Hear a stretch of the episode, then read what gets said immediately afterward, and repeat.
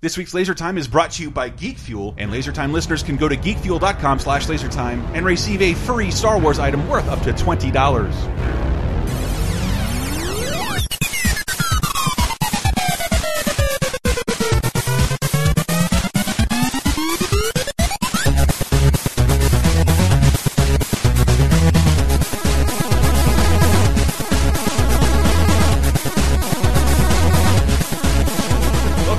Time, and we are old, but hey, guess what? Some will you, someday you will be too. Hi, I'm Christopher Antista. Henry Gilbert. Uh, I'm Dave Rudden. I'm the biggest comic book fan here. Um, Brett, I'm definitely the biggest wrestling. I don't. I don't know. So I was we- trying to do a role reversal, but We had uh, we had reversing the pressure on that figure four. Is what I'm falls into two things we recently did. So one, we had an episode that I really uh, am proud of that I, that uh, I kind of put together based only on a trip to Target. Like, what is the oldest toy on the Target toy shelf? And also on our YouTube channel, uh, we are looking at the Marvel cards of 1990. And how how do we describe that? As like there was no internet, and you had a couple of comics, and maybe you knew who Iron Man was. But these these little cards, they were random. They were like baseball cards, and they tell you what the character's origin was, where they first appeared, what their strengths and weaknesses are, and like gave you gave us a giant sense of that there was a larger Marvel universe. Because I was just reading Fantastic Four and occasional X Men, Spider Man. Yeah, and it was a set that introduced like uh, a lot of us here to the concept of the wider Marvel universe. So if you go to our YouTube channel, we, we're going like card by card and like super nostalgia driven. But also, if you wanted a crash course in like a hundred something Marvel characters, Yeah. that's what it is. But as we did that, But if you were one of the people who like just put those little nine page Yeah. with The plastic. Oh yeah, I still have them. I still have mine. Had a lot Uh, of magic cards. They're. So yeah, we normally pick a single a single pop culture topic and then try and research that and ramble off on it. And we wanted to do something a little I don't know a little different this time. How, what what did we decide on? so as we were doing those cards, we kept saying. I couldn't stop remarking on. Yeah, and granted, this set was from 1990, so a lot of stuff that's happened since 1990 is obviously not reflected in those cards. But we did point out, man, none of these heroes are from when after we were born. Yeah. Like there were so few that weren't from the 60s Yeah. or Yeah. maybe the 70s, and there were a handful. Maybe that were in the 80s, but then we just started thinking like if you think about all the characters that are in movies that are mm-hmm. popular today, even to this day, between Marvel and DC, it's like most of these characters go back to when our parents were kids, Yeah. or sometimes before our I parents think were of it born. when people, for whatever reason, in any comment section, which they do, call me old, and it's like you're you're about to fucking jizz your pants over a character from 1941. Like that's that's that's who just starred in Captain America: Civil War. Finally, this 75 year old character will have their- their He due. wasn't even the oldest superhero on film this year. You usually tell by their names. Bucky and yeah, uh, boobas. That's I- it's just that when I look at films, it's a lot of franchises and re-releases, and it's just like Jesus Christ! Like there's not there's more old stuff on screen than there is new stuff. Yeah, and so then we it feels like and then we tried to start. Then we tried starting. Think, this sentence sucks. We started thinking. We didn't try. We successfully began and concluded. I concluded never thought anything. and concluded the process of thinking. What is the most popular character that you know? Chris and I are the oldest here, born in 1980, I guess. I was born in 82. we won. There you go. So in 80, but Chris is older. I'll say that. I am. Um, I, I You can't- win. I can't be the oldest one. um, but who after 1980 could even Yeah. be the most famous character? And so we set out on that, not only on that like- quest, but also like other, as we'll go out through the show, other characters since 1980 that you'll actually be surprised, like, oh yeah, those Yeah. characters hmm. did like leave their mark and are still popular. Seeing something like Marvel, Captain America: Civil War was just like this is a bunch of 1960s characters. Yeah. and on some Man from Uncle failed. Why didn't this? Because that was technically newer. Yeah, I mean, it's not just about lots of characters debut in comics all the time, even Yeah. to this day. It's about staying power Yes. as well, And that- that and, they had their a- ability to be adapted to other stuff. uh, And to- would you say Marvel's had a difficult? Marvel and DC and comics in general have had a hard time introducing any new superheroes. So, based on this list that we're going to go through that we put together, Henry and I, uh, Marvel seems to have been a bit better at it than DC. Yeah, yeah. Though I have But- a theory on that, but I'll say that I'll Right. save that for later, DC guys. characters are all older than Marvel. A lot of them are. There's yeah. that, but uh, you'll, you'll get You'll my see, you'll see. I want to tease So- it for the listeners. So we, we start with what I think is right up front, the super obvious. This character, I would argue, is the most famous since 1980. Is Venom? Yeah, that, Because- that the first one that came to your mind. and like, it comes to argue mind- that. Ah, Spawn. Yes, because among people, who, even if you don't know comic books, even if you didn't see the 2007 movie that sucks, with Spider-Man 3, like Venom was just so popular in the 80s and 90s that if- you know, video games, the the Marvel vs. Capcom fighting games, Super Nintendo, Sega Genesis games, just all posters, trading cards. Like Venom was so big mm-hmm. that he ended up becoming too popular, and they had to make villains to replace him because Venom needed to be a hero. Yeah. But I, I can't think of anyone past Venom. Like we can argue maybe as we go, but Venom. And that was also Yeah. brought upon by looking. We're there's a night. We're looking at the 1990s cards. There's a section called rookies. Yeah. like one, these are not rookies. Yes. or they're gone. Mm-hmm. Yeah, Fool Yeah, killer. yeah, yeah. anyone? Yeah, it was mm-hmm. Foolkiller, Nomad? Nomad Well- who gets killed later, and then it's like Ghost Rider, who maybe the Danny Ketch Ghost Rider is the most popular, but he's still based on a '70s character, Ghost Rider. Well, I think with DC, I, I think with Major League Baseball cards too, you'd see rookies who flamed out. Sure. Like they were just hoping they'd stay. But yeah, Venom. I, I also on this list we we wrote down the first appearances, but some of them get a little mushy because like Yeah, so In comic books, no way. Venom as as the living suit that Spider-Man wears first appears uh, in Amazing Spider-Man 252. Um, this is right as the big Secret Wars crossover begins in the 80s, which was a big excuse to sell toys and merchandise because no one ever thought, what if we put all of our characters into one comic? And they're like, that's crazy, it'll never work. Why? We own all of them. Just put them all in one comic book. They'll sell great. And then it did. And Marvel was like, oh, no shit. We should just have crossovers all the time. Because up to that point, they were kind of hesitant with Pretty that light stuff. on 'em, yeah. Made a huge toy line and it kind of. But later, Spider Man finds out the suit is alive, gets rid of it, tries to get it off of him because he's like, shit, this thing's like a parasite or a symbiote. It's going to try to bond with me. And then it finds someone, Eddie Brock, who has been shamed by Peter Parker, the journalist, uh, or the photographer, I should say, but they combine to form a new character, Venom, who is a great 80s, you know, edgier villain for Spider-Man because Green Goblin at the point was dead, Yep. or at least Norman Osborn was dead. I don't remember what Harry was doing at this point, But, but, Spider-Man definitely didn't have any big threats, and Yeah. so in 1988, really for Amazing Spider-Man 300, Yeah. it's when he he became he made his huge debut. Everybody loved him, partially because superstar artist Todd McFarlane made the awesome design of him, which was really just make a bigger version of the symbiote suit Spider-Man, and then give him a Cheshire Cat grin with Yeah. giant, like he had normal teeth, Yeah, but yeah, they yeah. were. Just seeing teeth on the Spider-Man mask was Yeah. a creepy visual. And it's a creepy visual because his first appearance is just the the, the white eyes of the black costume in the dark, mm. and then Mary Jane is like, "Oh, Peter, what are you? Why are you just standing there?" This also suggests those eyes glow in the dark, even though that because that scene doesn't make any sense otherwise. Mm. But then you see a mouth grow in the darkness, and that's fucking creepy. Because as a reader, even in back then, and I didn't read this right when it came out, I was probably too young to even know that it was happening, but. You don't know what Venom is yet, and then there's a full page splash where he's like, "I'm home," and you're like, "Who the fuck is this?" what is this? and like you're, and then you find out like it doesn't set off Parker's spider sense because the symbiote at one point is intimately connected to Spider-Man. So Spider-Man doesn't know mm-hmm. where Venom is coming from. All of his advantages are gone. Eddie Brock as a person is naturally buffer and bigger, so that suit enhances his natural strength. Mm-hmm. So he's just as fast and agile as Spider-Man, but he can't fight him. Mm-hmm. Like he can't. All of his advantages are kind of gone. So he would just like bump into Parker in daylight and be like, "What's up, Peter? Oh shit! Not only know who I am, you know where I live."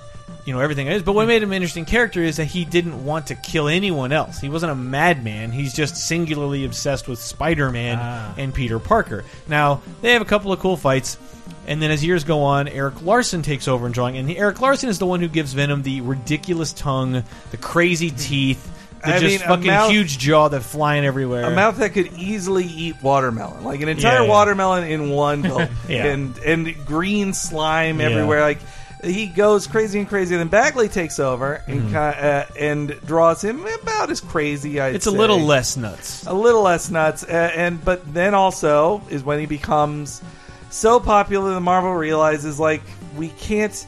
People love him, but we can't sell a guy who keeps saying he's going to eat Spider-Man's brains. Like Yeah. he's he's too violent. Well, you got you piqued my curiosity. What is the biggest thing that uh, that he's eaten? uh, I don't know. I I think he has eaten somebody's Like a, a brains. nuke or a, no, uh, he doesn't. Look, he's not indestructible. He's just like Spider-Man plus twenty percent. yeah, Like, uh, he, he's stronger, but.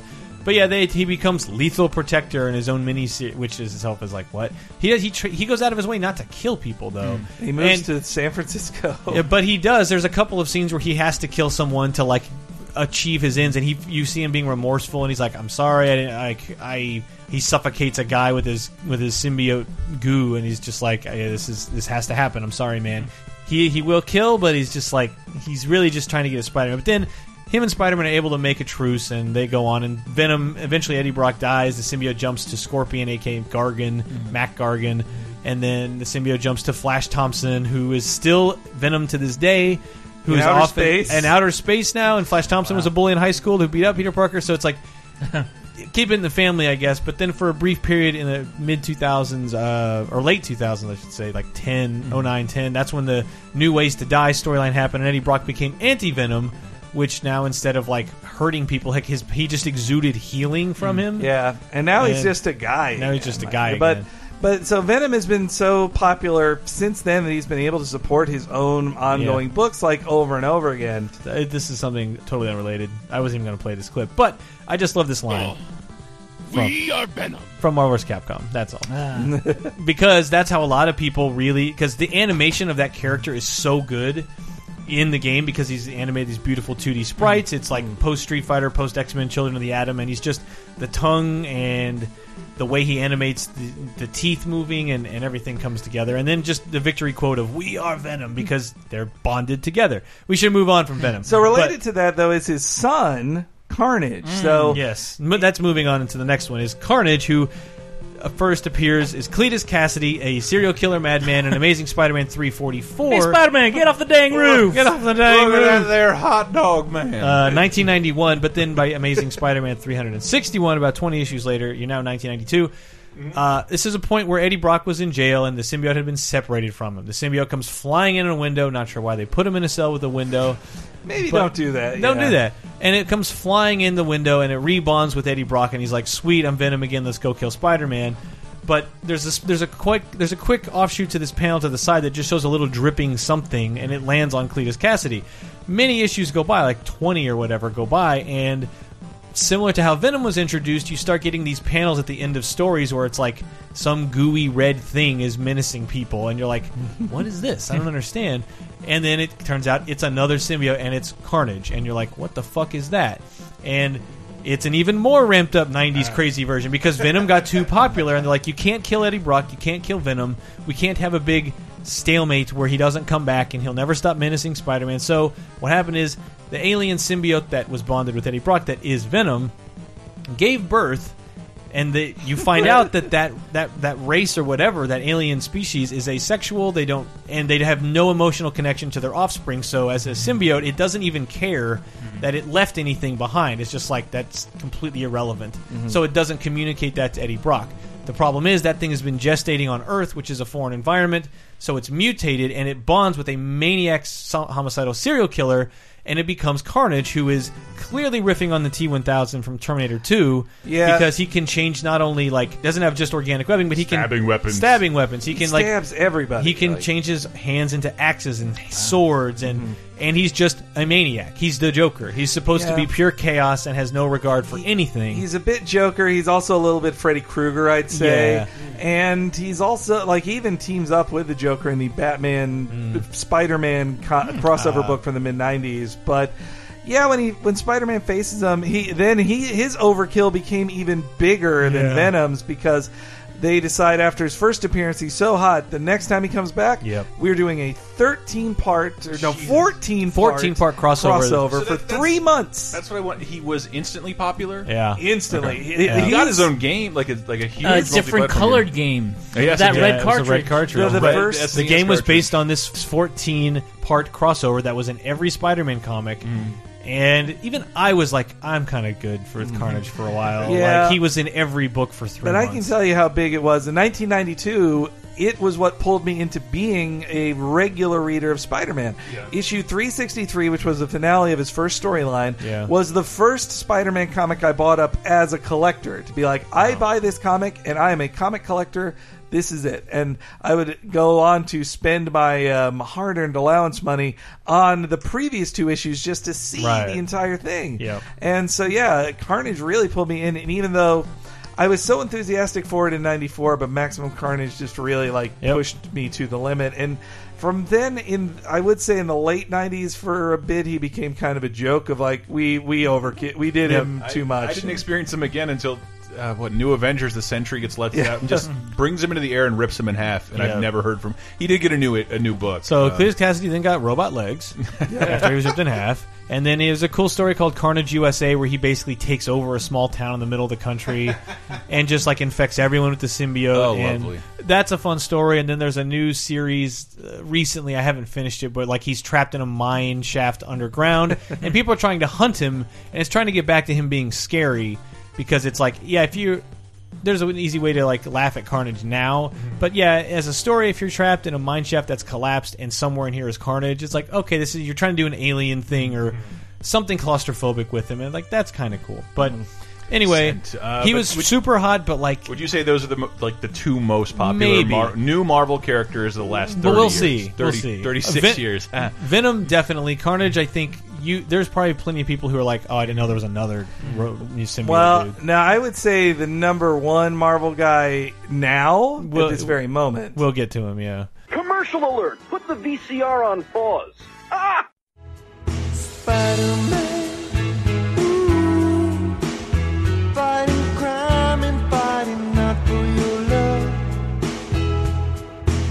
I don't want to be the bearer of bad news, but if you've made it this far into this comic booky episode, you might be a geek. I, do not do not shoot the messenger. But if that is the case, if you can confront that fact in yourself, you're going to need some energy, some fuel, if you will. That's right. This this week's episode is brought to you by Geek Fuel, and LaserTime listeners can go to geekfuel.com/lasertime uh, and get a free Star Wars item worth twenty dollars. If you don't know what Geek Fuel is, Geek Fuel is like a birthday gift you can receive once a month if you'd like. That contains numerous geeky goodies like Nintendo, Marvel, DC, Image, Walking Dead, and this month I believe I believe they're focused on Teenage Mutant Ninja Turtles or Pokemon. Uh, but you never know exactly what you're going to get. And so, for someone who worked in the games industry and had a steady diet of cool shit come into his lap, Geek Fuel is a great thing. Uh, and it's even better if you have someone, if you have a geeky friend in your life that you want to give them a gift.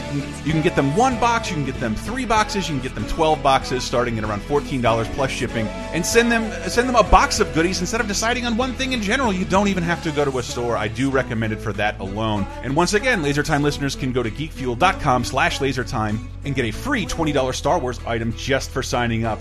Let's get back to the show. Stronger than the battles go longer. You're here to stay, you know what you face. Spider-Man, Spider-Man, You like Laser Time shows? Then you might like Bonus Time, Laser Time's weekly bonus show exclusively on patreon.com slash lasertime. Here's a taste of what you've been missing. Oh, speaking of tag, uh, there was a clip I didn't get to use of him. You will be sucked. You will find us many other games. Whoa, whoa, whoa, whoa, whoa, whoa. You will find uh, many, many more enemies surrounding you compared to the other hack and slash titles. This is not the originally hack and slash anymore. This is an extreme. I love I love Takfuji. I love Yeah. him. So Like, I honestly can't remember if I was there or not. Mm-hmm. I think I was there, but it's also I've heard the clips so many times now. I'm like six years of that stuff is just like a blur Yeah. because it was like you'd go to a conference and the moment one is over, you are either running or trying to get a cab or trying to like cram a nine dollar mm-hmm. pretzel while you walk fast and drop shit to get mm-hmm. to the next conference. After six hours of conferences, then it's like time to write stuff. Well, everyone goes and parties, and you're like, Yeah. who the fuck is partying? Aren't Yeah. you? Who's writing all the stuff that I see on the? Oh, it's me. Get Bonus Time, Laser Time's weekly, full-length, uncensored, and ad-free Patreon-exclusive podcasts, as well as weekly full-length movie commentaries, wrestling and cartoon video commentaries, physical rewards, the first season of Talking Simpson, and more at patreon.com slash lasertime, starting at just five bucks. You'll help us live, and we'll do our best to help you never be bored again.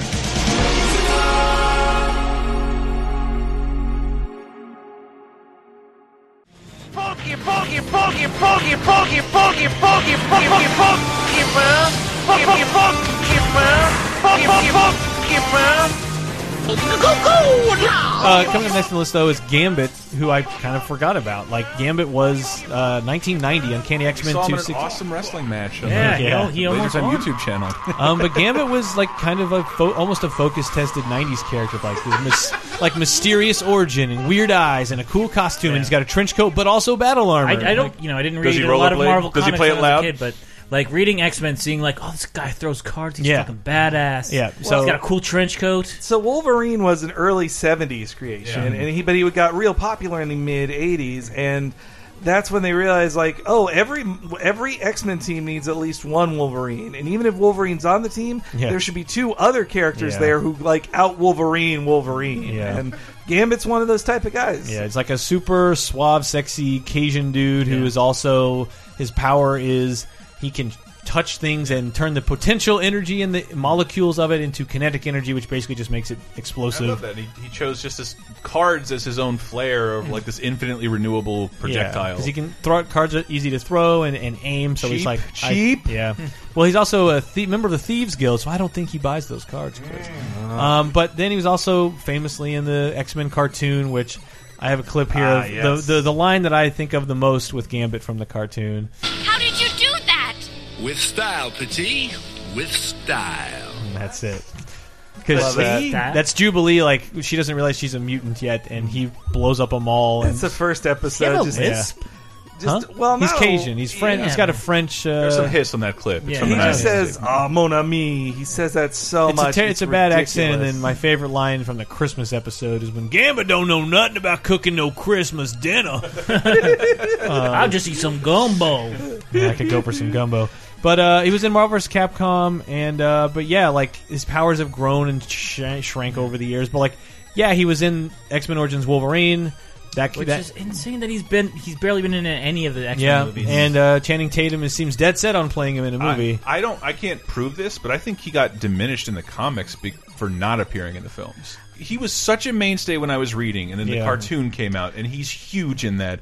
And just he what? Oh, he didn't get cast in the film, so we don't have a Gambit anymore. I never see Gambit. I mean, they also kind of made him like a bad guy briefly, or mm-hmm. that the the X Men found out that he had lied about something and kicked him off the team, and then he's kind of come in and out. But I I think a lot of writers didn't have a lot plagiarize your book report. I'm so sorry, mon ami. But I do know an entire generation of fan boys and girls were way into the Rogue Gambit relationship. Like they, you will find eight million pieces of fan art of that group, mainly thanks to the animated series. I would yeah. say. Uh, after that, um, arguably one of the most popular now, probably right up next to Venom, is Deadpool, oh yeah, yeah, yeah. and if yeah. not more so now. but the only because- one who's gotten a solo movie. yes, That was made. That was invented after 1980. yes, Yeah, he was. Uh, well, oh, we didn't mention the Gambit was 1990. That's how I said old he that is. earlier, Oh, sorry. yeah. And well, so yeah, Deadpool was New Mutants 98, 1991. Yep. And so he is a 90s character, and he's 90s as hell. He was a creation of uh, Rob Liefeld, who, if you're going to see a uniting thing in some of these created characters too, that these guys were created by people who would then go on to form Image and make their own new dudes. Uh, but Deadpool, Maybe that's why. yeah, Maybe my- it was disencouraged to create new characters because that would give you clout, and then you'd eventually leave the company. Well, yeah, but there's a reason we're My not talking about episode. when, reason we're not talking about wannabe Deadpool's like Maggott, like or Right. marrow. Yeah. No, we have no, to believe that. but no, that's a real word. okay. but so Deadpool. Wade Wilson, he first appeared as a uh, as a dude with a cool costume who said funny things. That was kind of it. Like he was just a distracting side character who was really he's called Deadpool because he is a parody of Deathstroke, the villain of the Teen Titans in the 80s. And so he wasn't like he was just a, he was a joke who was barely written, but then uh, in the mid '90s, writers like Joe Kelly and, and Gail uh, Simone realized he could be a great sense of meta humor, and they could add fourth wall breaking elements to it and just make him a big comedy character. Mm. And that's when he really started taking off. But with a, still a small group of fans, like I still don't. He didn't appear in cartoons until the mid to 2000s. It's like he Yeah, I think uh, because I remember noticing. I think some shapeshifter in the X Men cartoon briefly turned Yeah. into Deadpool in one scene, and I was like, and then that was. But it. that was just the animators goofing around, like, oh, I like this Deadpool guy, but he'll Yeah. never get to be in this thing because he's also crazy violent. So you'd never put him on a Fox Saturday morning Yeah. cartoon show. And yeah, but I think he really took off in the internet era. He Yeah, is like oh, after 2000s, mm-hmm. like and kids love him because well teens love him because anybody can be him at a convention Yeah. and he'd even be at a convention saying like i guess i'm in this other universe and i know myself in comic books because i look at the fourth wall I just picked up a available copy of Ultimate Marvel vs. Capcom 3 for Vita that was r- it, somehow inches from this microphone. yeah. Uh, and he's he's about the size of Hulk on the cover of the box. yeah, i yeah, by the time, yeah, he's playable in Marvel vs. Capcom 3, and they did a great job, like making him super irreverent. Tons of dialogue that breaks the fourth wall. He rides a Phoenix Wright objection logo out of a window. Like he's he became that character who's always talking about comic books as real things, acknowledging that he's in a comic book, or referencing saying whatever the funny food of the week is, like chimichangas, which I'm so fucking sick of. referencing x-men welcome to die yeah, They yeah. have done some semi-interesting things in books where Deadpool kills everybody, and about his ability to to uh, break the fourth wall is not necessarily the fourth wall; it's just another universe that he's trapped in. Yeah, Yeah. yeah, yeah. and and but when it came to the films like he we thought all we'd get would be his terrible appearance Sure. in x-men Origins. I can't believe that Ryan Reynolds stayed involved. I would have walked the fuck away so briskly. That's another uh, point Gamble. where it's like you're pun- why are you punishing this character? Like, Yeah. he, he is literally the person who breaks the fourth wall and says like irreverent things, and you take away his ability to speak. It just, yeah. I mean, is there something on the con- like a commentary that explains well, why no, they Ryan, did that? Ryan Wel- Reynolds explained why he did the movie because he knew it was a bad move, but he really wanted to be Deadpool, and they told him, "If you're not Deadpool in this movie, you're not going to be Deadpool Yeah. in your solo movie, so you better do it." And But it's almost so he did. to uh, to throw some wrestling in here. It's like something like Daniel Bryan, where it's like this person's getting too popular. Let's shut this shit down. Yeah. it's like this this character is is hilarious. Let's not have him say anything. Yeah. it makes no Yeah. sense. If you more on Deadpool, though, we've got a whole like thirty minute dissection of him on our YouTube channel. Yeah, Uh, Super Spotlight. just about just about Deadpool. But at this point, if you're listening to the show, you've seen the movie and you know everything. Uh-huh. But but especially for after 1980, Deadpool is probably the number one, maybe mm-hmm. two, if only because Venom has lasted so long. The movie is the more I, I watched it again, it is one of the most fun and it's it's not only very accurate, it is one of the most fun. Knows it's a comic book movie. Yeah. it feels like comic book movies are so big now. Like, oh, you're actually treating this with the sense of humor most writers would approach any story with because Yeah. they've done this so many times. Yeah. It's so good. Uh, next up is Apocalypse, who appeared at X Factor 5 slash 6 fully in 1986. Um, so another 80s creation, but Only 30 years old. Now. only 30 years old, but has a movie out right this as we're recording this mo- uh, this episode. The movie is out. We have, uh, yeah, Well, we figured he'd never get a movie because he's a giant purple guy who's going to destroy the world and Yeah. hates the X Men. And he shape shifting powers and ridiculous. and he definitely seemed too ridiculous for Bryan Singer's very serious leather world of Yeah. X Men. But here we are with him being played by Oscar Isaacs of uh, Oscar Isaac of uh, Poe Dameron Wow. fame. But I gotta, you know, I didn't have it queued up, but I've got to play my favorite Apocalypse. Yeah, movie. he was popular. I mean, he had some cool toys in the 80s, but yeah, he was created to menace the X Factor team, which was the original X Men, who then became a government sponsored pro mutant, like, let's go be a public face for mutant kind. Uh, but then also secretly, like, do a bunch of secret X Men shit on the side. Uh, but they needed a new villain to be the, you know, their Magneto, and that was Apocalypse, who in super 80s, 90s X Men fashion was just oh just saturated with mystery and background and plans within plans and like fucking will Um, you pay one of these stories off please and it Sounds took like them Lost. it took them 15 years to pay off that story Yeah. and finally do it and and other characters came back in time to fight him and he just he's Yeah. he's a ridiculous character but i did love him Yeah. on the animated series yeah this line is great I am the rocks of the eternal shore. Crash against me and be broken. that's as loud as it gets yeah That's but as loud as it's it hard gets. because his voice is distorted and it's quiet he's like i am the rocks on the eternal shore crash upon me and be broken Ah, it's it's, just beautiful. verbose nonsense that's like you know, again, Here's a haiku I wrote in eighth grade. a modern movie would have him like shot in the neck before he could say crash. That's just I love that like crash against me and be broken. But that's like he views himself as like the beginning and end, and he's going to be the one who decides. So survival of the fittest is his whole thing and all that. Hmm. But a lot of people know Apocalypse because he's he was really popular in a ton of video games, had a ton of toys, and now he's in his own freaking movie. So He's the perfect video game enemy. he really is. Um, next up is one Henry's going to take away from me, and is nebulous. But I would say It's all Marvel we're talking this is here, still I'm Marvel. guessing. Well, there are DC. We're going to get We DC got after DC. this. There will be DC characters, uh, but this is a character that I don't think was ever popular. But if she had a heyday, it's happening right now. Well, it's Squirrel Girl, Oh. aka uh, Doreen. She's post 1980. Yeah, she first Hmm. appeared in Marvel Superheroes Volume 8, 1992. But she was created as a complete joke by Steve Ditko. Mm-hmm. It it's honestly, if she hadn't been brought back in later books, it would be a non-canonical story, which is she is a mutant goof who is an ugly girl with giant teeth in a dumb outfit with her own, with a controllable tail. Then she can talk to squirrels. Wait, what about And- those old comics? Like, there's one with where she uh, fights Iron Man. That's the one. Like, so she That wants was to the team 90s? up. That was ninety two. It's drawn in Wow. the style that you think it's sixty two. Yeah, it looks Yeah. way older. She looked like she was in Laughing or something. because it was drawn by Steve Ditko, create Okay. co-creator Spider-Man, who hasn't changed his style in 30, 30 well, 50 years now. But anyway, so yeah, she teams up with Iron Man to battle Doctor Doom, defeats Doctor Doom by throwing squirrels at him, and it is the most ignoble defeat Doctor Doom has ever had.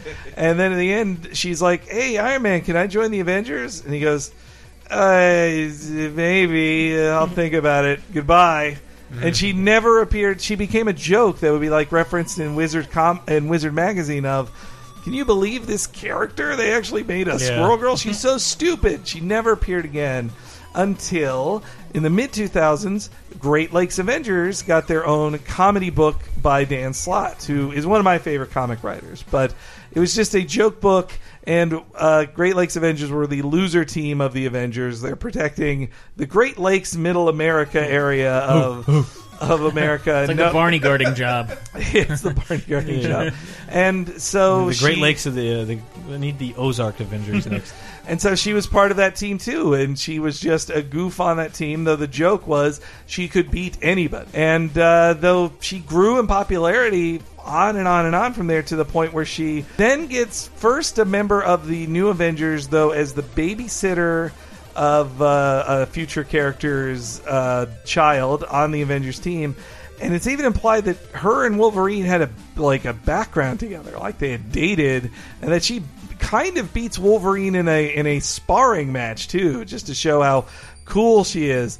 Though that kind of got dropped when now she's in her own new book, Unbeatable Squirrel Girl, which is one of my favorite comics, and I think she's like more popular than ever now. I think she also has become kind of an internet favorite, and she has made limited appearances in cartoons, mainly in one episode of the Fantastic Four cartoon that looks like anime, but it was written by Dan Slott, and mainly just to have, oh, who wants to join the Fantastic Four? Squirrel Girl. Who the hell's that? Yeah.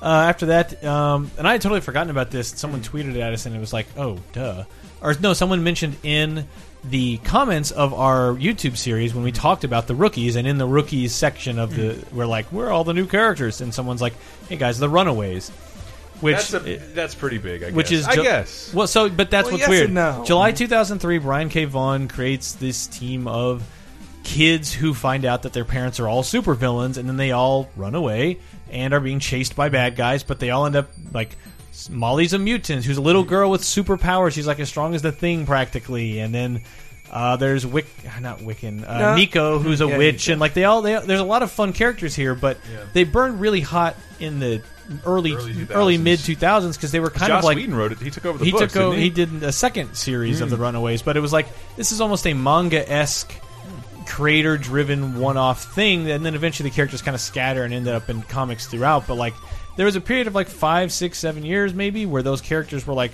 really you know thought highly of and got a lot of attention. Really good book. then yeah, it's a great series. Yeah, It's about it- a bunch of kids who discover all their parents are evil. Yeah, Yeah, it's like The Simpsons discovering their parents are reverse vampires. yeah, it is. We're Whatever we can do to, to bring you people. into this day. Yeah, just- Uh, yeah, and though they've tried some reboots, but it never really stuck. They had a good one recently that uh, written by the uh, woman who co-created Lumberjanes, which is one of my favorite all ages comics. She did a Runaways run, and I also did like that the Runaways Yeah. were like when they first appeared, they were one of the f- most like queer books in Marvel. Like it always, they've always had at least one gay character on the Oh, team. fucking which- Gertie and old lace. A girl has a telepathic connection to a raptor. to, to make the point when we were discussing this as a topic that like we're not saying there haven't been popular great comic book characters. This is strictly superheroes because like Yeah. I just you mentioned Lumberjanes like read Lumberjanes. It's great. Yeah. Walking Yeah, this Dead, is- yeah. great, but they're not superheroes. Yeah, there's a difference between like you know Walking Dead or Criminal or comic medium is alive and well. It's just like Saga. I got like, baffled as to like, do we worship the superheroes of our past partially because they're our past? Like this, the same way we worship politicians and and uh, a famous civil rights and, uh, activists. Mickey, I- Mickey Mouse. but we but we don't we don't have those now because they hmm. can't really exist. well, it's, I guess it's the difference between mythology, and it's really hard to add things to a myth. Twelve things you didn't know about Cesar Chavez. or, or Zeus. well, so the next guy on the list, like he's about to make a big movie debut soon. Finally, Yeah, Cable. Uh, first appearance. He's post eighty. New Mutants 87 and 1990.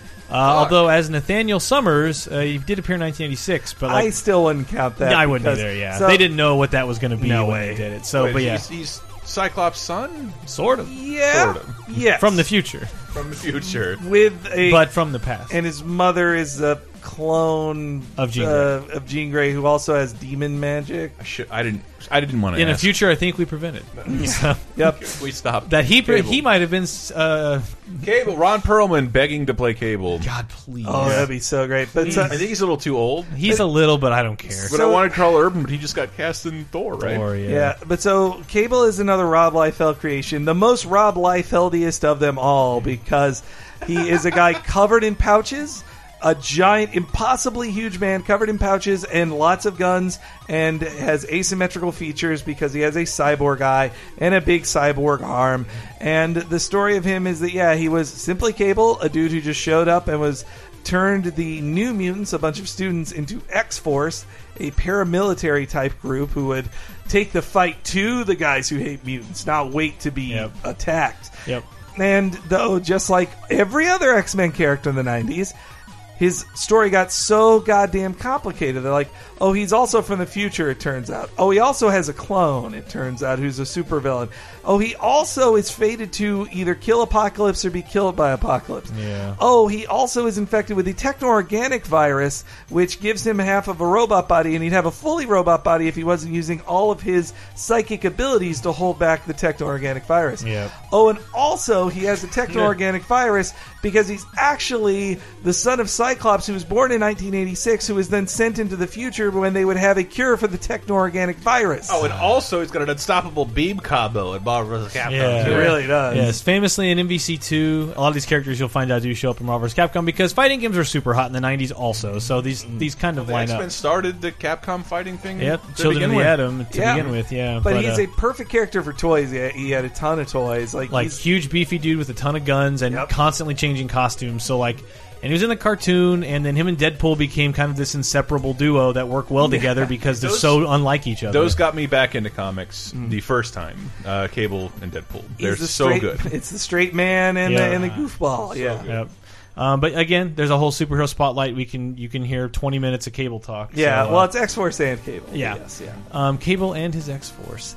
Uh, but next up, this is arguably uh, the most popular of today, if not Deadpool because of that movie, but an asterisk with this one. an asterisk for sure. Winter Soldier. Yeah, he, Because- is, he is the. I, I did my research that he is the most recent character by like Yes. three decades. So- in the MCU. Bucky, who he is, is from Captain America number one. 1941. Oh no, I'm wrong. He's the oldest character. Yeah, so he's both the oldest and the newest, which is a perfect comic my book answer. Yes. Like, it's it's it's neither and both. um, but then in 2005, they did the like Ed Brubaker, who wrote the Winter Soldier series, like uh, for Captain America. a writer new- of Fade Out or Uh, he More did fade out. He did. He did more criminal. He but did in uh, a in a in a different Captain America number one yes. in 2005, which started an amazing run for Cap that ran for years. Out of Time? Out of Time is the first uh, story, but then then it turns into Winter Soldier, and then it goes from there. But like Bucky comes back. One of the rules in Marvel was like only Bucky stays dead, and then he wasn't. And everyone at first is like, "You're not really bringing back Bucky." And I'm then, supposed to hate this. and not only did they bring him back, he got his own titled movie, Mm-hmm. and then was the centerpiece for Civil War, and is now like everyone knows who the Winter Soldier is. And now is watching the wall in Nick Fury's role. Yeah, Uh, in the comics, yeah, he's like watching the world Yeah. from a magical wall, That's- protecting us from galactic threats. I'm completely ignorant to it, but like it just seemed very natural. Like a person who who Yeah. died around the time that Cap was frozen. Yeah. Of course, they could be the same age nowadays, Yeah. but like it's just, I think they made that rule because like C- Captain America predates Marvel, period, Ah. and so like he had a goofy cornball pedophilic sidekick that like yeah why ever really? why no no but just a No. little kid in short But and, it like, was a side. Well, okay. This it brings up too many questions to like really what go ahead Sorry, there's a big behind the scenes thing about this. That like Stan Lee, who was the guiding force of Marvel into the '80s, he didn't like sidekicks. Nobody, very few characters had sidekicks back then. The best example is Spider-Man is sidekick age, but he's of his own guy. Mm-hmm. And so when he brought back Cap, he's like, "No, I don't want a sidekick. No Bucky." Hmm. and I am certain there were writers who wrote for the Captain America books that would have liked to bring back Bucky, but they all were just like, "Well, now he's he's dead, so he stays dead," or or an editor in chief told them they couldn't do it. It was only in 2005 when they finally got to do it. the oldest and newest He's both, man. That's Wow, why it's so I- fun. so- And he got a cable-esque if- if- robot arm too. so saying he's the oldest Yes. can we ballpark who's the the most new character in the MCU is it Thanos uh, no, Thanos is 70s, man. Oh, yeah in the but in the movies. MCU Oh, in the movies? uh, if you go backwards, in backwards, the Marvel from- Cinematic Universe if it's not Winter Soldier, Thanos say it's not Winter Soldier. Falcon. Falcon is 69. Dude, come on, man! Yeah, high five. The lamest the whitest high five that's Sorry. ever occurred. Glad it was, off camera. Uh, man. So what? Sp- Cap, I, all yeah, that, Yeah, but that's the Vision is point. Like, mid-60s, that's yeah. the point, though. Like, all these Yeah. characters in these movies are older From than your parents, before your parents, some of your parents were born. Yeah. Yeah, there could be some villains, maybe, but I don't even think that now. Uh, maybe Madam Hydra, or the uh, no Baron von Strucker was 60s. Uh, Extremis shit in the Oh, Iron, the in Extremis stuff. Yeah, the that Iron was from Man the movie 2000s. is from Yeah. the 2000s, so maybe that. Okay. Yeah. Uh, but moving on, uh, Win- I mean, Winter Soldier again. There's a whole. We did a whole thing on him, and you probably looked it up. You Next paid- one, YouTube page. Next one is one that's kind of cheating because we don't know yet, but she's burning kind of hot right now, and she was one of the newest characters that I was like, I actually want to read more. Like, I'm going to read your new solo series. This never happens anymore. Is Miss Marvel, aka Kamala Khan? yeah. From Captain Marvel 14 uh, in 2013, Marvel's first Muslim character to lead a series. She idolizes Carol Danvers, aka Miss now Captain Marvel, who's going to get her own movie eventually. We promise someday.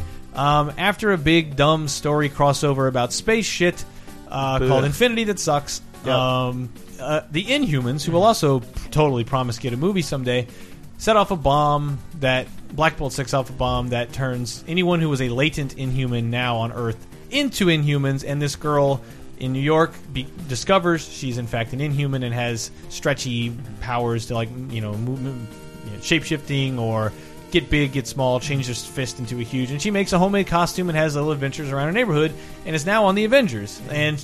2013 character and It's is a little girl obsessed with the Avengers. It's yeah, great. and it's was- super cute and she's really fun. But there was a Miss Marvel before her. That's- that There was, yeah. but it's a Discuss name only. Like she's just like, I wish I was like Miss Marvel, and then she meets Carol Danvers, and she's like, well, you know, I'm Captain Marvel now. There is no Miss Marvel. Carol Danvers is also a semi-recent character. No, no, 70s. she's 70s. Well, also. Early that is 70s. semi-recent for the fucking Marvel universe. And I so, guess, yeah, and so but- what year will it be when a uh, there's a female lead for a Marvel movie? well, they Seemingly said 2018. they said Black Widow.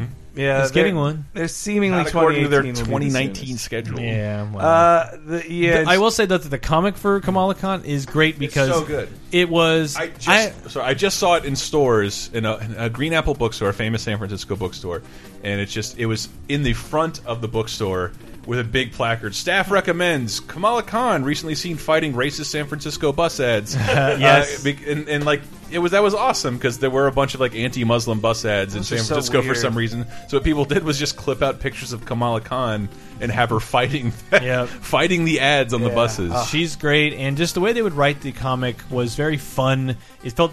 It's the first time I felt old because it reads it reads way younger than Yeah. so many comics I've read. It was very entertaining that way, and it's the only But it's the same reason I loved. Uh, I don't. I'm not trying to move on, but another newer character who's a kid. Well, this is also the first time just to show you how it's an old reference Mm-hmm. because you had to be alive in the 90s and coherent to, to get it, I guess. But like, it's the first time I saw the word embiggen in, in, in literature of any kind, where when she would grow big, she just says embiggen, and the word gets, which is a Simpsons joke from literally 20 years ago. It is beautiful. Perfectly cromulent word. But moving on from uh, other young characters were the Young Avengers. Now, I forgot all about most of them are gone now. Girl Loki. Yeah, well, there was. Well, no, that was Loki reborn after Ragnarok as a woman. Okay. This is there's a kid Loki, but in 2005, the collection of heroes like Hulkling, Wiccan, Patriot, Iron Lad, uh, Stature, who is Scott Lang's daughter, aka Paul Rudd. Um, Who was like three in the movie, so yeah, she's in the movie technically, but um, after Avengers Disassembled, which was a big like we're gonna blow up the status quo, and uh, Scarlet Witch is gonna lose her mind, and all of her crazy magic powers are gonna make the worst day imaginable, and the Avengers get split up. These team of kids decide they're gonna keep that mantle going and become the Young Avengers, as they're dubbed by the press, who think they're just fanboys and fangirls, like wanting to be the next Avengers. And the great bit is they all seemingly have a one to one connection with Yeah. another Avenger, but in the first storyline, it's revealed like, oh, actually, Hulkling's a Skrull. Like Yeah. he's not, he's not, uh, he's not a Hulk. This guy called Asgardian is just Wiccan, and they go on these adventures, and it is like uh it's a Buffy style book too. I Yeah, would say very definitely. chatty. The, and they had a crossover with the Runaways, like they were like the other side of the coin for the Runaways, and it also had gay teammates on it, Yep. like Hulkling and uh, Wiccan. Wiccan were a couple, and it also it grew to the point where the best run on it, I would say, would be um, the Kieron Gillen Jamie McKelvie run in the 2011 to 13. Where they just make them twice as gay, like every there's one straight team member on the entire Wow. team, and, but they have just like these really fun almost Tumblr ready adventures, and uh, kids like young people loved them. It was so successful that the team was of the team of the writer and artist just eventually said, "We're not going to do this forever. Let's just take this exact same style and make it into our own hit book." Which uh, that's how you get the Wicked plus Divine. Like that's I see. that's the book. But anyway, yeah, the the young young Avengers when they were first introduced, I thought.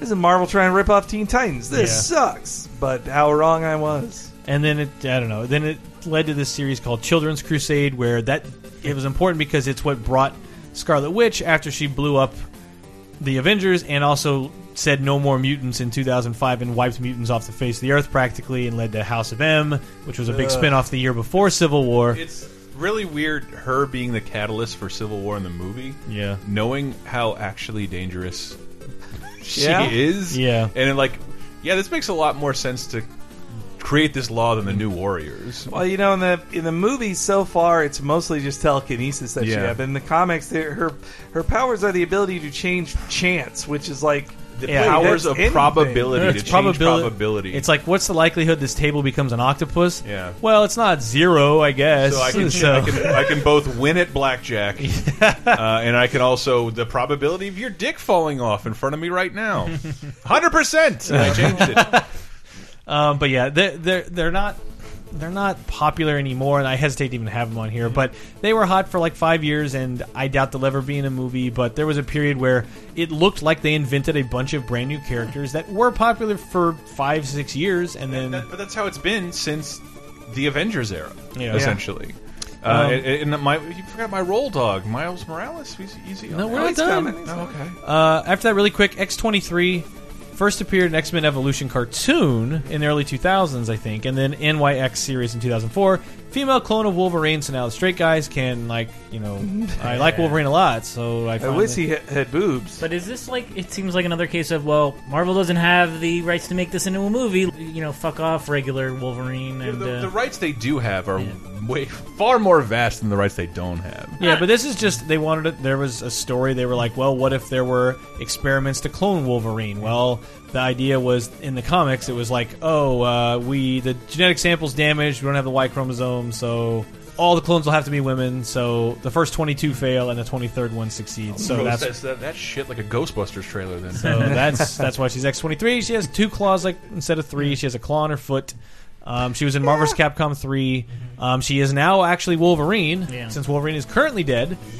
Um, but popular in the sense that she was, you know, in 2004 and is still around. Like she's headlining her own book. She's in a ton of games, has toys. Like I think she's probably made it. She's not Deadpool level. She's not Venom level by any stretch. But like, I think she's kind of making it. yeah, and I wouldn't be surprised if she was in the next uh, X Men movie or something. I wouldn't be surprised. Um, and now a quick mental break before we continue with uh, another section of Marvel heroes. I did want to 90s, right? These are all characters. Uh, this is this is far from all of them. These are all characters with blood in the name. uh, Just in case you thought maybe like, oh, they were pretty creative in the '90s. It turns out, like you hear and, the uh, so bloodshed, not a shed of blood, but like to shed blood. Bloodshed, blood axe, blood strike, blood hawk, blood wind. Blood wind is with a Y, by the way. uh, I just I just passed in Bloodwind. I'm, I'm glad you guys didn't talk about Uh, it. You gotta go to see a doctor if you got blood wind. Uh, bloodshot, blood pool. Uh, and then famously the team Youngblood, uh, ah, Youngblood. which was a team of. And then Blood Blood. Finally, blood. if blood. only there was like Crimson Blood or something. yeah, we gotta fire. Let's Th- we take got a quick break, real quick, because I gotta piss. Uh, we will be back with even more, hopefully, superheroes created after 1980.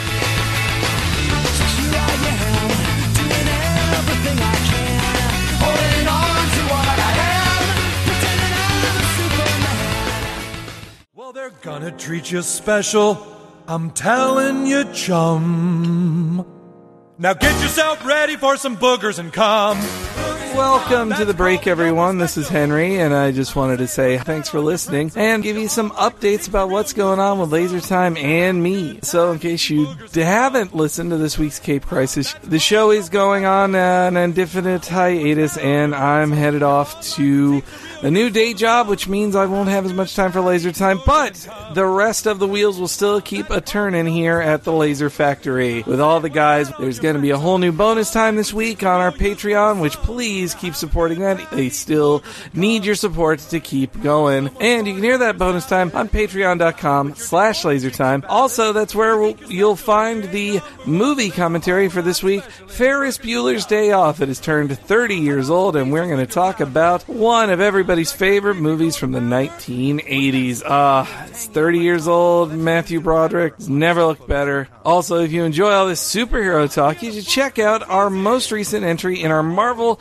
trading cards videos, where we talk through every single card in the 1990 Marvel card set. You'll find that and a ton of other great stuff, including all the videos we did for E3, home to all our original videos, youtube.com slash lasertime network. All right, back to the rest of the show.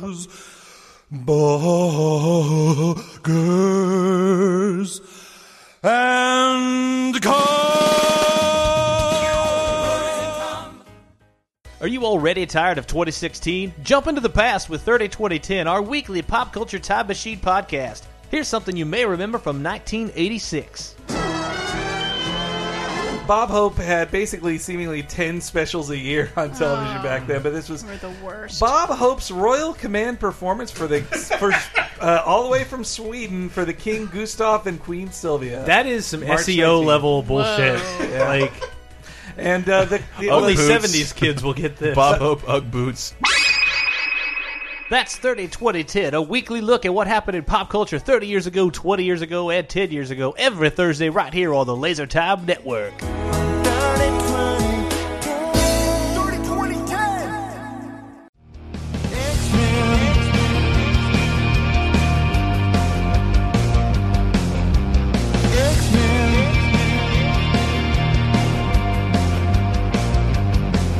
welcome back, uh, Excelsior fans. I, I don't know my my True comic books. believers. True Come believers. Uh, but I mean, so we got through some of Brett's guys, but uh, I also had a list I had found of. Drastic uh, search for uh, the newest superheroes. Yeah, and even in most cases, they're still like 30 years old. And uh, we haven't talked a lot about DC ones, but one I wanted to start with was Booster Gold, who He's, he's within our lifetime. he is within our lifetime. Huh. February 1986, Booster Gold number one was his first appearance, Wow. and he was created as a hero of the future. He You missed it on 30 2010, guys, huh? I get. Well, he Mm-hmm. isn't really worth a mention. The only reason he's on here now is because he's about to get a movie. A movie of his is in production at Warner Brothers, which is quite a big change for him. Kind of seems insane. Anytime I hear that name, I just think of Booster from uh, Jingle All the Way. That sucky, that sucky action figure that nobody wants. Uh, Ah. that's- that's Booster all Gold sounds like something you'd buy at GNC. Right. It wouldn't work. well, he is a football player from the 25th century Okay. who travels back in time to be famous in the in the age of heroes, as it's known where he comes from. Uh, and though I think he's mostly known to '90s readers because he's one of the guys who gets his ass handed to him by Doomsday Yeah. when Doomsday first appears and fights the entire Justice League, and in a very wrestling way of like the new monster bad Yeah. guy showed up and beat all these guys. How can our best guy Superman take him down? Only at the cage match at SummerSlam. Uh, and and also Booster Gold with a kendo stick. and also Booster Gold is known for his kind of bromance with Blue Beetle Yeah. in the Justice League, like their non-gay, super close friendship, and for having a uh, robot companion named Skeet, which uh, did not mean what that means in 1986, and. Uh, Tell it to Skeet Ulrich's parents. and and he's kind of a favorite. He's kind of a favorite of Geoff Johns, who is the new bigwig of of DC films, and he has made limited appearances outside of uh, comic books. Here is him in a pretty funny episode of Justice League Unlimited. You're safe now, folks. This hunk of tin and transistors couldn't cut it against a real high tech hero. A hero who's a thousand percent committed to the fight against evil. And. And. and you have no idea who I am, do you? I think I'll just stay on it. Skeets? Still called Skeet. Citizens of Metropolis, behold, Booster Gold. Traveling back through time from the year 2462 AD, Booster Gold has come to battle today's wrongdoers. Booster Gold, protecting his past to ensure your future. Shut up and take my money. And they all walk away. That was Billy West, wasn't it? Yeah. I should just play that because that's everything I said. But uh, yeah. that's that's also I played the, all that because just from a casting standpoint, I loved it that on Justice League or on all the DC animated shows, they rarely cast cartoon voice actors like that. They Yeah, like that's why it was a little shocking. But Skeet is a cartoony character who should have a cartoon voice, so they cast Billy West. But his bit is like he's very like I don't know hero for hire kind of Yeah. feeling of like I'm so popular and famous and, And like he's wants- played half for jokes most Yeah. of the time, I'd say. Uh, then there's a more recent one who I thought they might be setting up for in the recent films, and that's Red Hulk, uh, who he first appeared in Hulk Volume Two, Number One, March 2008, Mm-hmm. and uh, he is Hulk except red and hot. Like, Yeah. and by that I mean like. Um, you know, So hot right now. temperature hot. His his skin can burn when he gets angry. His red skin burns, and it was revealed that he is Thunderbolt Ross, aka William Hurt, in the oh, not William Hurt. No, that was Yeah. William Hurt. Yeah. Yeah. In in Civil War, it's that guy. He becomes the Red Hulk to Yeah. take down the Hulk, and then kind of becomes a hero of his own. Join the Avengers and the Thunderbolts. Thunderbolts. That's not still happening, right? He recently got his powers just shut down, and I think it was somebody somewhere said, "Oh, we don't want two Hulks anymore. Get rid of it." And so he was just given a shot that was like, "This deactivate your Hulk stuff, and we're locking you up in prison, and you're gone. Goodbye." Call oh, Like, you when no we more need Red- you. But yeah, it was like for like I don't know, like a year or more. It was a mystery of who the Red Hulk was. Oh yeah, over a year. I, I did like the introduction of Red Hulk. You guys hated. I fucking hate Red Hulk. Why? Hate him.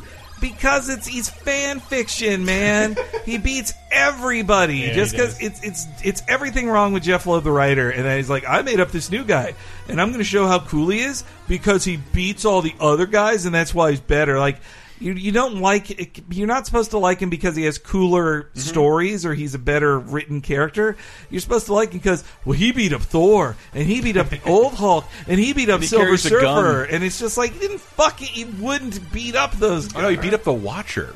Yes, that drove me crazy. And then I it- thought that was amazing. And then it gets out of hand where it's like, and now there's a red She-Hulk, and now that like it's Yeah. just like we'll do it again. They just read uh, everybody, and just then odd. that was Betty Brant was the Red Yeah. She-Hulk. when I was reading it, I was going through that Christmas obsession, so I just like red and green Hulk ornaments forever and ever. that Thank is you. cute. That but is like cute. for the terms of like, oh, is he popular? It's like it, it's hard to say now because like he's not in the movies, he's not really getting Yeah. played, but like he's in cartoons a lot. I think in he the made last it into decade, one of the he games. was pretty big. Yeah, there was a lot of merchandise and and cartoon appearances. So like, I think a kid today who's maybe like 15 now.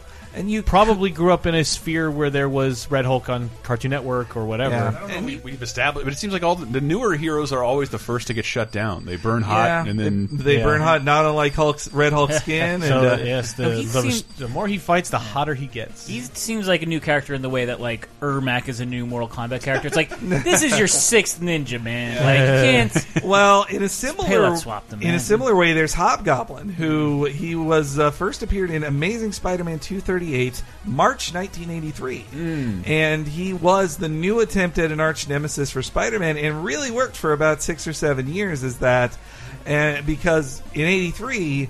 The Green Goblin had been dead for over a decade at that hmm. point, and they hmm. needed a new arch nemesis. And Venom was still years away. And Venom was years away, and so they set up this guy's like, fine, another Goblin, except he is his origin is really s- smart. A lot of people missed this when it happened, but so Spider-Man is chasing this guy, this petty thief. And through the sewers, and then Spider-Man's like, "Eh, I got a date, and these sewers are gross, and it's just one thief," and he leaves, which is exactly the origin of hell. And so that guy then finds killed the another Uncle Ben. well, no, but that guy does find the Green Goblin's old lair and gets his old stuff. And so Spider Man creates the Hobgoblin through the same original sin he did. And that's, I like that storytelling device. Yeah. Like, that's really neat. And they made a big mystery for a while like, who is the Hobgoblin? Who is it? But they set him up as like he had all the Green Goblin's toys and he had his super strength. But he wasn't crazy. That was the one problem with Green Goblin that he was crazy and like and- obsessed with Peter and, and like, obsessed with Peter and Spider Man. Well, Hobgoblin's like, I just want to run all crime, and I've got all this cool stuff, and I'm going to do it.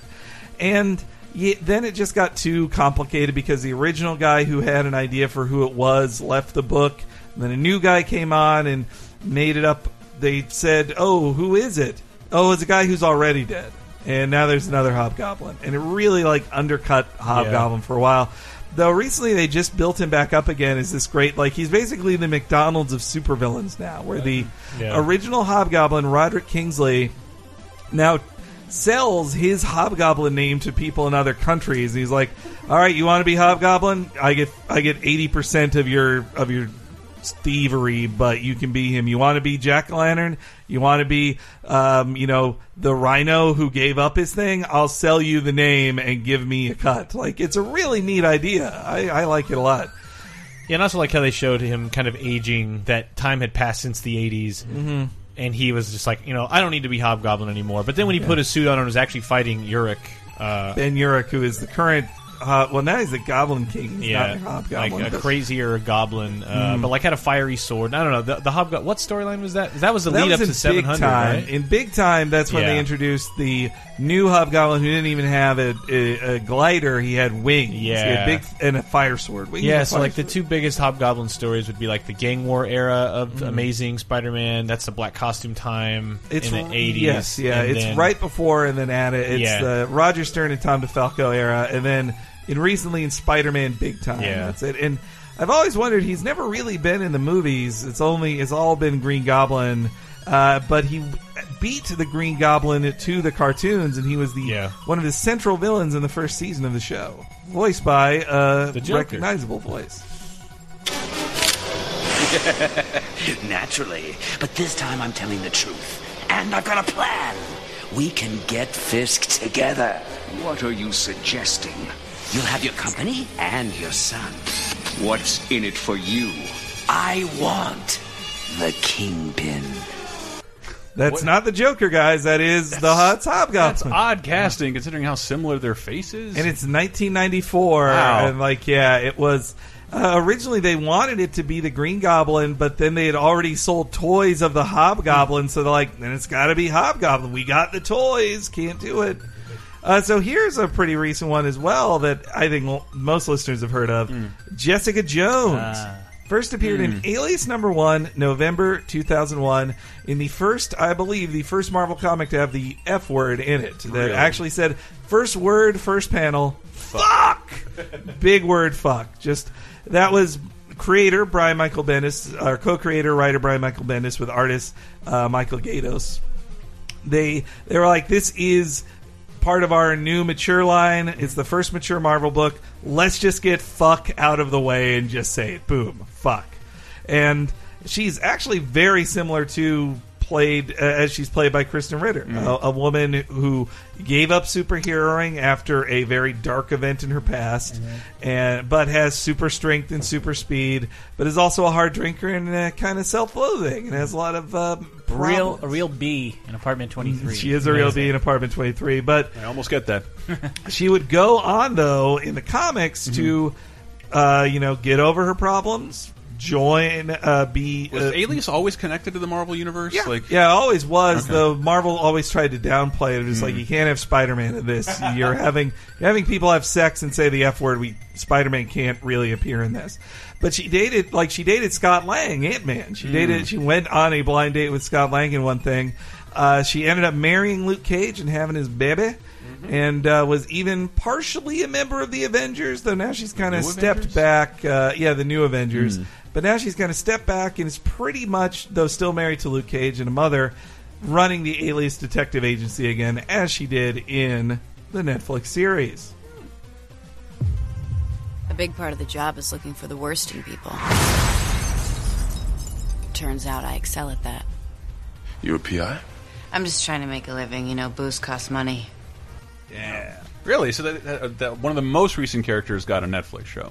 Yeah, though I mean, 2001, Mm-hmm. not that recent. Like she's still like, I mean, she's still 15 years Still old. pretty at this baffling. point. I just can't get over that. Like they, they were just cranking out new heroes twenty four seven, and that used didn't that used to be how they would revitalize book sales? Like it's a new guy. It's number one with Night Watch, Yeah. or, Yeah. or Yeah. Watch Night, or Blood Axe, or whatever. so Or irregularly, Watch Watch. and it could Night only happen in this weird vacuum of like what R rated Marvel comics. Yeah, yeah. Uh, well, so probably out of fear of like doing that to an existing character. Well, so only four years later did they introduce another lady who has had a lot of uh, a lot of Marvel cinematic experience at this point. Maria Hill. Maria Hill first appeared in New Avengers number four, March 2005. She was a high level. She was a high level Shield agent who has since worked her way up to being Shield director or sometimes co-director with Nick Fury Jr. Uh, you know. Famously played by uh, Cobie Cobie, Smulders. Smulders in both the films and on name of all Agents time. Shield. And I think uh, let's give a listen to her. Wanda and Pietro Maximoff, twins, orphaned at 10 when a shell collapsed their apartment building. Sokovia's had a rough history. It's nowhere special, but it's on the way to everywhere special. Their abilities? He's got increased metabolism and improved thermal homeostasis. Her thing is neuroelectric interfacing, telekinesis, mental manipulation. He's fast and she's weird. He's gonna be dead at the end of the movie. See, that's my problem with how I love Cobie Smulders, but like in the comics, she is such a Brian Michael Bendis character, which means funny and like uh, tons of references. She's a fun character. But she's played like there as a well, I'm the exposition device. So Cap, let me just tell you all the stuff I you're would going have to said need. the same thing about her in the comics. That's that is what she usually does. How can she but- be expected to be funny when her boss may be dead? Well, was- that was like two years Nick ago. Fury, yeah, maybe. Uh, No, she no, knows or where Nick Clark Fury's Gregg. at. Oh, oh, come on. Uh, Is he? I don't know. But let's get into more ladies here. You, hadn't, you see, you haven't even heard of Agents of Shield. I think that- No, I know he's not live on that, but not. Is that movie canon? Yes, yeah, yeah. Really? Yes, I, yeah. No, you didn't know that. Well, I, no, I don't I- know. I don't know exactly how they brought him back to life. I still don't. I thought they just consider him dead. I in the mean, movie. they explained it. He went to a project, whatever, that he thinks is the Bahamas or something. Tahiti. Look, Tahiti. Look, who cares? Uh, Uh, Spider Gwen, that's what people care about. She is easily the most recent character in super popular, super de duper popular right now. I've been trying to buy that female hoodie that I have to buy in triple XL for Yeah. Spider Gwen. It looks so good. Yeah, Yeah. it's not going to fit me at all, but it looks great. And like that was um, like 'cause this Spider Gwen was an accident. It wasn't Yeah. supposed to be a thing. She it first- just looked really cool. She first appeared in Edge of the Spider Verse September 26, uh, sorry, 2014. And she was one of many made up alternate universe spider characters. Alongside like a billion fake Spider Men. who were brand new, and that's why she just appears in like a half of the issue of Edge of Spider Verse 2, because they just thought, eh, a one off story, it'll be fun. But people immediately took to the design. They're like, she's amazing. Look at that hoodie. Look at this design. Yeah. I love Gwen Stacy. Like, it's. So the sto- what's the story? Like Peter Parker dies in her world. So in her universe, she is bit by the radioactive Mhm. spider instead of Pete. Pete goes crazy and becomes the Green Goblin and Ah. dies. So Peter Parker is dead in that universe. Gwen Stacy is still the daughter of Captain Stacy, but now he's having to deal with her. Oh, and is, is Ben Parker is a cop who helps her out in the Uh, first issue? Yes, yeah. And Hmm. there's also like Frank Castle is like the chief cop of the world, and it's you read the book. Will to be a lot also- better, huh? You read the book to see all the different ways that they change up the Marvel universe. That it's different in the How book. did she shake out at the end of Secret Wars? Um, she her alternate universe still exists, and Mm. she's teaming up. Brett's been reading that book, Web Warriors. She's Yeah. been teaming up with all the other like six other So she alternate doesn't universe exist in the main universe. I, I mean, I haven't read the last few issues, but it was like a bunch of Spider Men and women, Hmm. like Spider Man India, Aranya, G- Spider Gwen, Spider Ham. Spider Ham, are all like on missions together, and then the the first storyline was them fighting all of the Electros of all the universes, yeah. which is kind of fun. No, it was it was a fun book, but yeah, she still exists in an alternate universe created by uh, Jason Latour, who is the artist for Southern Bastards, one of my favorite comics. But he's the writer of that, and I believe he also designed her costume. Uh, uh, now, another guy from the MCU who is a big deal, War Machine, mm-hmm. first appeared June 1992 in Iron Man 281. Now, that's actually kind of a, a fake out. It is, it is, and it isn't true because Rhodey had Mhm. been around since like the late seventies, and he had become Iron Man in the mid eighties. Yeah. but he was given the War Machine armor in June 1992. Uh, I say fake. I call bullshit. Oh, fine. Calling bullshit. Well, so James Rhodes was, uh, you know, Tony's best friend. Uh, he was created mostly so Tony Stark could say, like, "I've got a black friend. I'm not racist." It's Like- created specifically to fire Terrence Howard. So, so when um, Tony Stark became a drunk wino Mm-hmm. and living on the streets, um, Rhodey took over. James Rhodes took over and was simply Iron Man for a good chunk of the 80s. Mm-hmm. He's the Iron Man in the Secret Wars crossover event in that big maxi series. Yeah. And uh, the, then when Tony came back, like, well, then what's Rhodey? What is he? And eventually they created new armor for him that, uh, you know, was black, black armor for the black guy. Uh, but it was well, it's also just more military. it It's- was it's- more. it's that's gray what and was black, great like- about it. Yeah, it's gray. It's gunmetal. Like that's what it is, and it is War Machine correctly so because it was like, well, this is Iron Man armor, but covered in guns. Like it normally was with like a giant Gatling gun on the side, Yeah. or all these missile launchers. Like he was definitely a more uh, powerful dude fighting people. Yeah, just intentionally '90s and aggressive. And, Is that also a Black Sabbath song? War Machine. I wouldn't put it past it. I'm not the right person to ask. Uh, Black Within that decade, it was already in Marvel vs. Capcom, Yeah. which it, I I totally forgot that he's in that game, but Iron Man isn't. Which is Yeah, weird. it's just kind of a palette swap. Yeah, Yeah, I mean they well- changed a little bit. Yeah, and for a time he ran a couple Avengers teams. He quit the he quit the Avengers. He got weird alien armor at one point and Oh, then yeah. dropped it. Uh, and then he's worked for the government and was on Tony's side in Civil War. And just recently in the comics has seemingly died in Civil War. Like he's gone now. They killed off Rhodey, and uh, most famously played by one Don Cheadle. I did a Google search for War Machine, and I found out that the the superhero has been overtaken by the asshole MMA star. Oh, who- that guy! who beat Just uh, from all his, his news porn star stories about girlfriend. beating his girlfriend. Yeah. Jesus Christ! All right, It's not considered a famous battle. But you know, the suit can take the weight, right? So I take the tank, fly it right up to the general's palace, drop it at his feet. I'm like, boom, you looking for this? There's just no selling it. Boom. Are you looking? Why don't I even talk to you guys? Everyone else that story kills. That's the whole story? Story. Oh, this is very good then. it's impressive. Quality save. Yeah, I like that. See, Don Cheadle. I'm glad he replaced Terrence Howard. Like I, I felt bad for Terrence Howard. They kind of seem to get the. Uh, the Glad you don't need to feel bad for him now that he's on the biggest show in the universe. That's true. That's true. And and Don Cheadle has brought a lot of more humor to the role. I, I like that. But uh, then there's some controversial characters like Miles Morales. yeah, he's my favorite. First appeared August 2001. uh, Sorry. First appeared August 2011 in Ultimate Fallout number 4, which was the lead into the new Ultimate Spider-Man book. So this really just let's talk about the entire Ultimate Universe too while we're oh, at Oh, God. it. So Does, does that even count? I mean, it was a huge deal It was. in the early to mid 2000s. Miles, when all was said and done, is now just a part of the regular universe. Yeah, he's the only thing that survived. So, in the early 2000s, the idea was that Marvel books were impenetrable and they needed to create a more approachable universe that was just like the movies everybody was watching. And so, they created Ultimate Spider Man number one in October 2001, and I believe two months after that was Ultimate X Men number one. And then they created the Ultimates. And they definitely, the Ultimates, like, set up a lot of the cues that they took in the first Avengers. For movie. sure, yeah. I mean, over time, the regular Marvel Universe just started becoming closer and closer. Mhm. And then basically with the Iron Man movie in 08, that started that trend of like, well, we now don't even need the Ultimate Universe anymore because the regular one has slowly become more like it. And now we Yeah. just have all these characters. It was great though, And yeah, It and was that- great yeah. at the especially time. the Ultimate Spider-Man stuff was really good. Yeah. Yeah. especially this part. Just uh, Well, it was i- in the early 2000s. I was definitely the thing I suggested to people. I'd say, like, yeah. "Oh, you you want to read an X Men story? I cannot suggest one X Men comic to you in 2002 other than Ultimate X Men. Yeah. Just read that. You want to read Spider Man? Well, it's very confusing right now, and I'm not a big fan of J. Michael Straczynski. So why don't you just read Ultimate Spider Man? Yeah. he's a kid in this. Just read that. But then the problem was that once Ultimate uh, the universe kept going for like eight years in Yeah. it was as complicated as anything. Yeah. Like it wasn't a great entry point.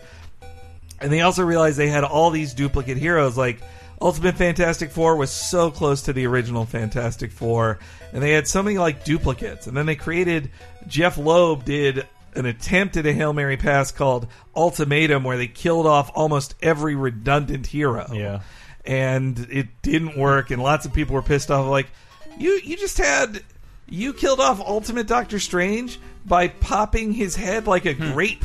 Like he just like it was so such ignoble deaths. Like Yeah. Cyclops just gets shot in the face. Wolverine is melts on the bottom of the ocean. Um, another crazy one I remember was um, well, actually, oh yeah, Daredevil just drowns off screen, and uh, Yeah. Ultimate Daredevil was a waste, though. Like, Yeah, he was really the same fucking character. Him and Punisher. Oh yeah, and the thing just squishes Do- Doctor Doom's head. He just finds Doctor Doom and just like, you can't live through what you did. Squish, And, squishing her head. and Ultimate Doom was a case of like they tried to make him different. They had like double reboots. With and him. then it was like he had goat legs, like but they were all metal. His whole body was he metal. shot metal bees at people. And he, yeah, and he was just completely different. And that was one of those cases where like the whole point of this universe is to really be different, Mm. and they were. And then everyone, the the, the re- reaction was so negative that the next time Doom showed up, which I think was in the middle of the zombies story, or no, right before zombies, when his name Ultimate Namor first shows up with Greg Land art, uh, Ultimate Doom shows up, and it's just like. I think there's one panel of like, "What happened to your legs?" And he's like, "Don't ask." And it's like he's just Doctor Doom. That's now. it. Yeah, and he's he's, just just regular Doom. fucking Doctor Doom. And so yeah, I think they realized Ultimate you the Ultimate comics were created because Marvel's books weren't as good as they should be. Mm-hmm. And then when the mainline books got way better, Ultimate Universe really wasn't needed. Yeah. And was and the last big deal of it was Miles Morales' creation. So when they Mhm. kill off Ultimate Peter Parker, then a new young man replaces him, Miles Morales, who was like 13 when he replaced they him. coexisted for a while, but then was it Mary Jane just like handed him the web shooters? Um, she Peter gave Parker's him the web shooters. Well, no, like he only became Spider Man after Peter Parker was dead, Mm-hmm. but he got the web shooters because she like was like, oh, you sh- you should You should have this. keep this going. And uh, the controversial bit was that he is uh, he has an African American father and a Puerto Rican mother, and so then everybody was like, a black Spider Man, like people really don't freaked beat out.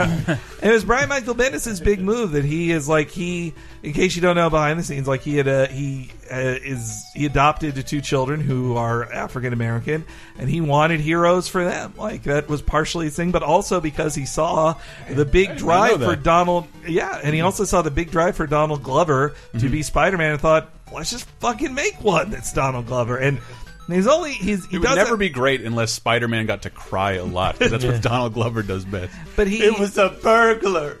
Miles. It's weird that they gave him the whitest name possible. Miles. Well, and Miles has some differences with Spidey. He can walk while he web swings. He walks on walls, but he also has a sting touch where he can poison you with a touch, venomous touch. and he can turn invisible. And believe it or not, in 2015, he was played by Donald Glover. I'm you. Whoa, whoa, whoa, whoa! I'm not you. You're dead, which makes me dead. No way. Neither of us could be dead. That's impossible, Peter Parker. So you're not dead? I'm not what now? Okay, don't freak out. Huh? My name is Miles Morales, and I'm Spider-Man. Boom. That is great casting. That was from when the Ultimate Spider-Man cartoon did their version of Spider-Verse. Mm-hmm. He goes to a universe where he's dead and been replaced mm-hmm. by Donald by Miles Morales, played by Donald Glover. Like that is perfect casting. I'm Yeah. so glad Donald Glover decided to play him. Uh, so when we get to DC, let's talk a little bit about DC. Mm-hmm. Lobo, the main That's man. the only one I could think of. Yeah. But he was like handled so poorly, I would say, past 1996. Wasn't he the living embodiment of the '90s? Well, not originally. So he first appeared in June 1983 in Omega Man number 3. But in the early 90s, he had a revival by Keith Giffen to turn him into a parody of Wolverine and Punisher. Mm-hmm. And so he was turned into just this guy who snarled all the time, made fun of the fans, was like, I'm the toughest guy in the world, buddy. And he fought Superman to a standstill. He was just a smoking, drinking, like he was kind of like Bender on Futurama when hmm. Bender was on TV and was like, "Hey kids, do what I do: smoke Yeah. cigars and light yourself on fire." Like, Yeah, but he had like the Deadpool thing also of like, isn't he like aware of like some He kind of fourth wall breaking? Did he create the word fanboys? he he definitely popularized hmm. fanboys. He there's a famous cover where he's like emboss this fanboys and it's his cod piece he's pointing at, which is the only like silver embossed thing on the cover. Famously, he lost to Wolverine in the Marvel vs. Yep. DC fan vote, which that fight made sucked. absolutely no sense. Oh, like everyone has like these crazy fights, and they fall behind a bar counter. Yeah, They do it then off Wolf- panel because there's no way to explain why, especially Bone Claw Wolverine would ever beat Lobo, but it was a fan vote. Oh, So. I forgot about that. Falling behind a bar. Wow, that was like a meme before. Like that was in Wizard like every month for a decade. Just like dude falls behind a bar, Yeah. and then comes up like, I and guess then also, I won. and then the other Right. one was dropping a whale on you. Yeah, drawing- yeah, because he told a whale to like Aquaman's like, well, I can talk to whales, and I told this one to do a belly flop on you, Namor. And I wish the scene should have then continued with Namor exploding out of the whale and ripping it in half. Of like, this does nothing to me. Yeah. like that's kind of rude of Aquaman to do. Like, you are, he's gonna dive being out of the water, but like he's also being punctured, punctured by a super, uh, like a superhero. But he was also famously played by Brad Garrett. Great casting, I thought. Ray, you can't be a superhero. The name's Lobo. That's L as in lacerate, O as in obliterate, R as in B Robert as in Logan. disembowel, and O as in uh. Oh, I guess I can use obliterate twice, huh? What do you think? I think you're a certifiable madman. And a bona fide stud. Can't teach that. No, that was the, the voice of Hulk Hogan. I love Brad Garrett as a as a voice actor. I think he's great, man. But I think he and that was great casting uh, on the Superman show. And he always said frag and like Yeah. the only other thing I remember from the comics was that uh, Garth Ennis hated him, and and I am not joking. When he fought Hitman, the way Hitman beat him was Hitman drugged him and filmed Lobo being raped. And then humiliate and he was like if you don't stop fighting me now I will release this tape and humiliate you and Lobo left.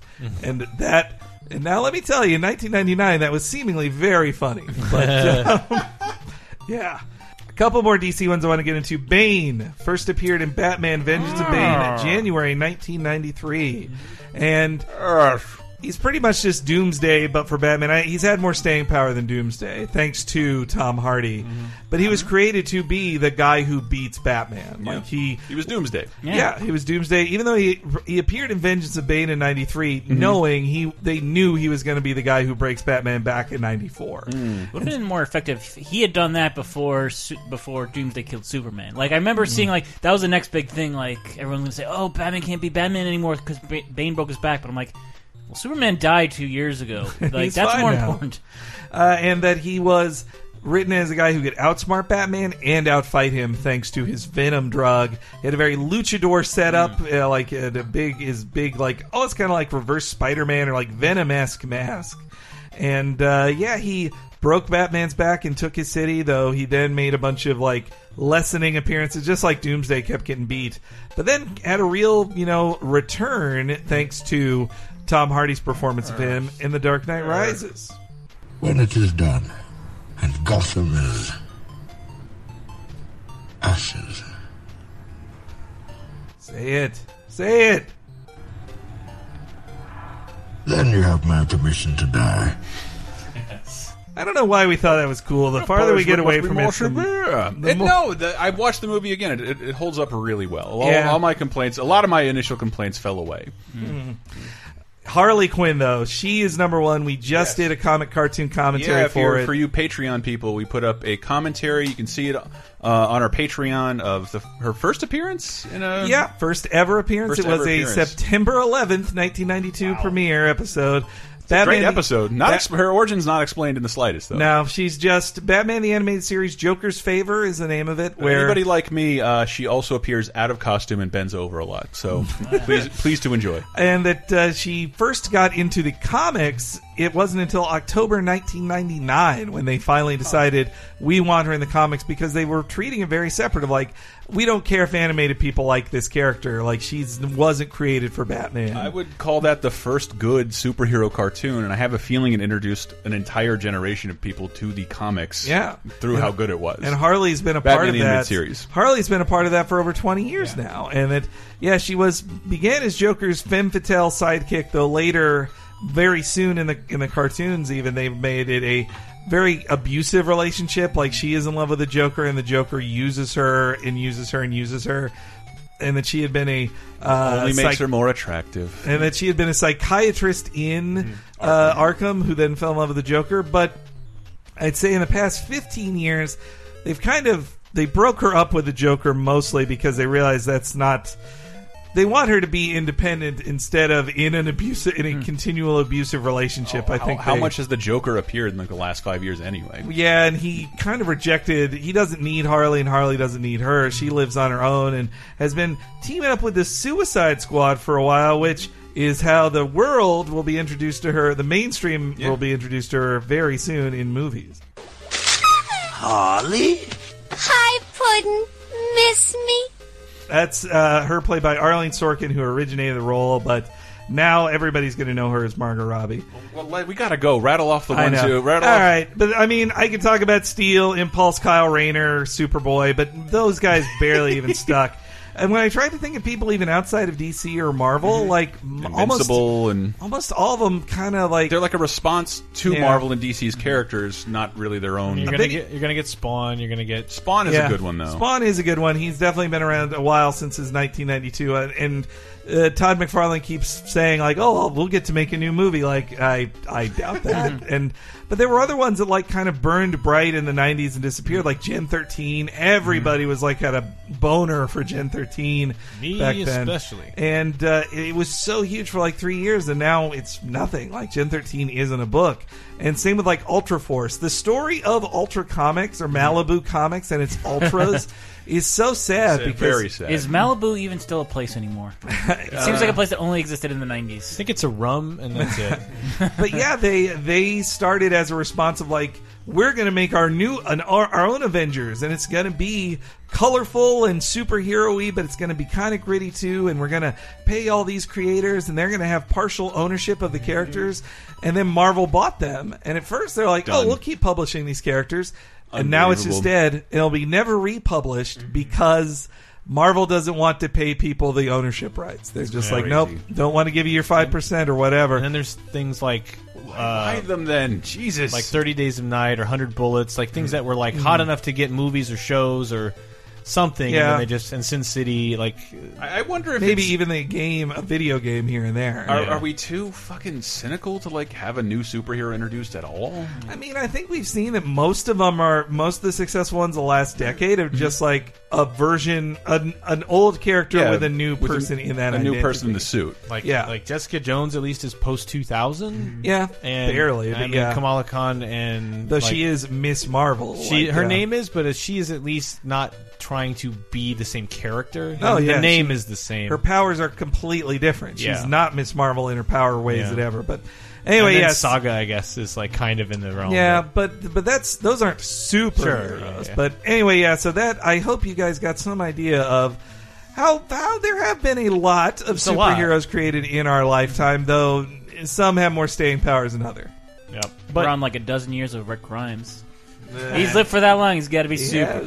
Yeah. But uh, yeah, if you want to see what kind of inspired us to do this show uh, on our YouTube channel, uh, you can find the Marvel Trading Card playlist. It's us going through all 160 cards of that 1990 set. Yeah. and we will remark like how old all these famous characters were. Yeah, it was and just then, that revelation of like, yeah, all the characters are already old, and all the things they called rookies don't exist anymore. yeah, outside of Ghost And- Rider, which is like Yeah, even even, every- even that, that, version is- of Ghost Rider doesn't exist anymore. Every other rookie card dead, like pretty much uh, wiped away by history.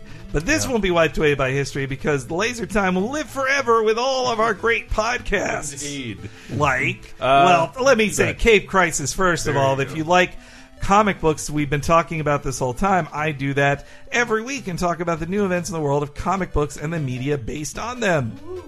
Uh, there's 30 20 10, which is a sort of like this looking back through time 30 years ago, 20 years ago, 10 years ago.